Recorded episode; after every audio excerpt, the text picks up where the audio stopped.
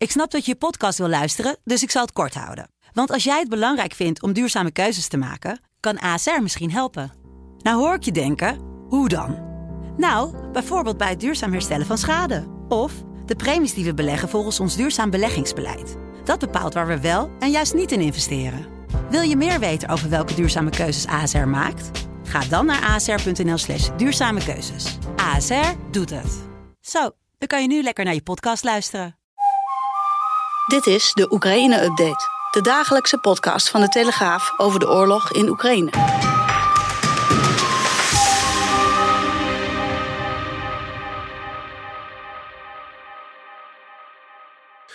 4 maart 2022, het is dag 9 van Poetins brute aanval op Oekraïne.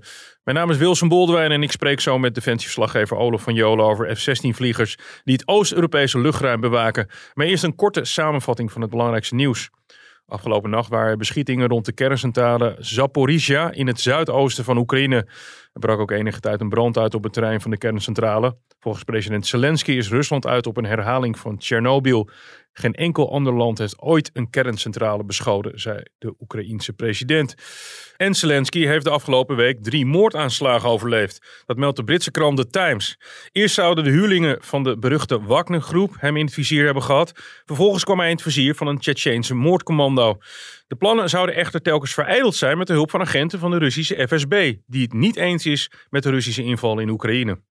Met de afsluiting van de strategische zeestraat in de Bosporus voor vier Russische marineschepen heeft Turkije ervoor gezorgd dat Rusland een stuk minder kruisraketten heeft in de Zwarte Zee om tegen Oekraïne in te zetten dan gepland. Onder de Russische marineschepen die nu geen doorgang hebben en niet kunnen worden ingezet is de 135 meter lange admiraal Kazatonov. Poetin heeft zijn buurlanden opgeroepen om de spanningen niet te laten escaleren als gevolg van zijn actie in Oekraïne. Er zijn geen slechte bedoelingen ten opzichte van onze buren. Ik zou ze ook adviseren om de situatie niet te laten escaleren en ook geen beperkingen in te stellen. Dat zei Poetin in een verklaring op de Russische staatstelevisie. Vandaag in de studio defensieverslaggever Olof van Jolen. Olof, eh, jij hebt een artikel geschreven over de jachtvliegtuigen van uh, de luchtmacht die betrokken zijn bij het patrouilleren langs de Oost-Westgrens. Hoe is dat voor die uh, piloten? Ja, het, is vooral heel raar voor ze, omdat dit een, een missie is die zo anders is dan wat ze de afgelopen decennia hebben gedaan dat waren natuurlijk echt uitzendingen waarbij zo'n hele eenheid naar, uh, naar Irak ging of, uh, of richting Afghanistan ging. Letterlijk, een van de vliegers die ik sprak, die zei van het was alsof je de oorlog ging leven. Je werd er helemaal ingezogen. Ja, nu vliegen ze missies boven Europa, boven eigen grondgebied. En betekent dat dat je ochtends gewoon thuis aan de ontbijttafel zit je kinderen naar school brengt. En vervolgens uh, uh, naar het squadron gaat om daar met een vliegtuig uh, de lucht in te gaan. En, en missies te gaan vliegen. Bestond die missie eigenlijk nog? die Oost-West bewaken? Nee, totaal niet. Hè, er is een, in de Baltische Staten is er een vorm van air policing geweest. Daar heeft Nederland ook aan meegedaan. Maar dat is weer opnieuw echt een uitzending. Hè? Dan ga je weer met, met vliegtuigen, met ondersteunend personeel, ging je naar, uh, naar de Baltische Staten en, en vloog daar rond. Maar, uh, maar dit, is, uh, ja, dit is echt met, met stoom en kokend water in het leven geroepen. Toen die spanningen opliepen rondom de Oekraïne. Het is een beetje publiek geheim dat er kernwapens liggen op Volkel, een belangrijke luchtmachtbasis.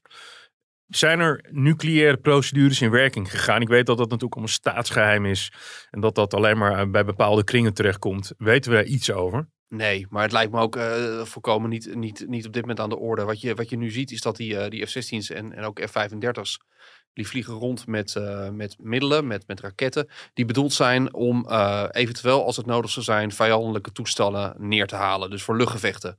en, en, en het nucleaire verhaal, dat is een heel ander scenario. Ja, voor zover daar bekend is daar absoluut nog geen sprake van. Nee, alleen we, we leven in, hè, we noemen het niet voor niets een eh, heropleving van de Koude Oorlog. Ook voor die piloten is het ook vreemd dat al die scenario's van pakken bij het 30 jaar geleden opeens uit de kast worden getrokken. Ja, compleet. Want hè, je moet je voorstellen, dit zijn mensen die, die totaal zijn opgegroeid na die Koude Oorlog. Uh, en die ook die cultuur die dat met zich meebracht helemaal niet meer kennen. Uh, er is wel al een aantal jaar wat meer aandacht voor dit scenario. Hè, het verdedigen van het eigen grondgebied en dat van de, van de NAVO-bondgenoten. Dus ze zijn er theoretisch wel wat meer mee bezig geweest. Maar ja, nu het dan echt zover is. Ik, ik vond een van de meest beeldende uh, uitleggen van, uh, van, van deze vlieger, Major Nick. Die zei van ja, ik vlieg nu boven steden waar ik ook met mijn vrouw naartoe ga als, om een leuk weekendje te shoppen met, met EasyJet. Ja, dat, dat is mentaal zo'n zo'n aanpassing dan dat je rondjes vliegt boven Afghanistan. We zijn de F-16 aan het uitfaseren. En die wordt vervangen door de F-35, de Joint Strike Fighter. Um, hoe, hoe, hoe, is die verhouding nu? Hoeveel F-35, F-35 zijn er ten opzichte van die F-16's? En zijn die F-35's al helemaal klaar om die taak over te nemen? Ja, de verhouding is nu dat er, in, er is een pool, dat is een kleine pool van acht toestellen. Uh, die, uh, die hiervoor beschikbaar is gesteld aan NAVO. Uh, luchtmacht vertelt niet hoeveel toestellen er precies tegelijk in de lucht zijn. Het is niet allemaal tegelijk, maar dat kan in combinaties. zes F-16's, twee keer F-35.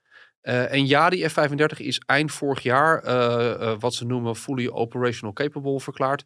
Dus dat betekent eigenlijk dat je als, als squadron en als vliegers een bepaalde procedure doorloopt. Waarbij je bepaalde trainingen allemaal hebt gedaan. En waarbij uiteindelijk dan het eindoordeel is, nou, je bent er klaar voor om als het nodig is te worden ingezet voor ernstmissies. Deze hele discussie heeft ook ja, geleid Hoekstra, die minister van Buitenlandse Zaken is. het is al geroepen, meer geld naar defensie. Nou, eh, ben jij al heel lang defensieverslaggever van een tak van sport, waar het minder, minder, minder, minder, minder was. En nu is het een beetje meer, meer, meer. Maar er moet nog zoveel ingehaald worden dat het eigenlijk altijd een soort van achterhoedegevecht is.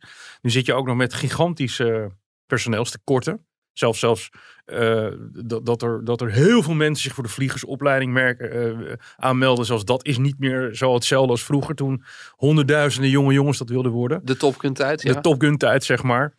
Um, ja, is, is, is een spectaculaire groei van defensie überhaupt nog een mogelijkheid?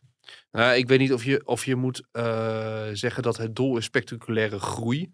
Uh, we, hebben, we hebben daar uh, een uitgebreid verhaal over dit weekend.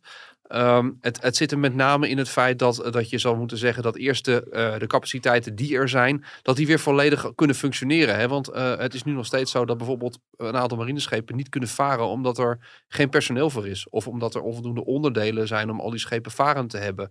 Dus logischerwijs, nu dat geld beschikbaar komt, in ieder geval komt er nu deze kabinetsperiode ruim 3 miljard voor beschikbaar. Dat moet nu als eerste gebeuren. deel 2 is dat je inderdaad voldoende personeel zou moeten krijgen. Nou, dat zit hem voor een deel in het feit dat je uh, betere arbeidsvoorwaarden moet gaan bieden om, om mensen te krijgen.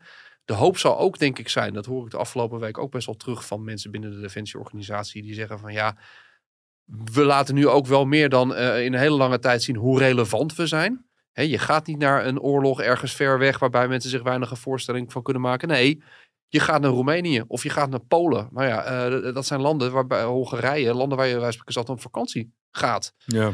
Um, dus, dus dat helpt misschien ook. Uh, en en uh, ja, dus eerst het huis op orde. Dat is wat er vooral nu moet gebeuren. Daar is iedereen het wel over eens.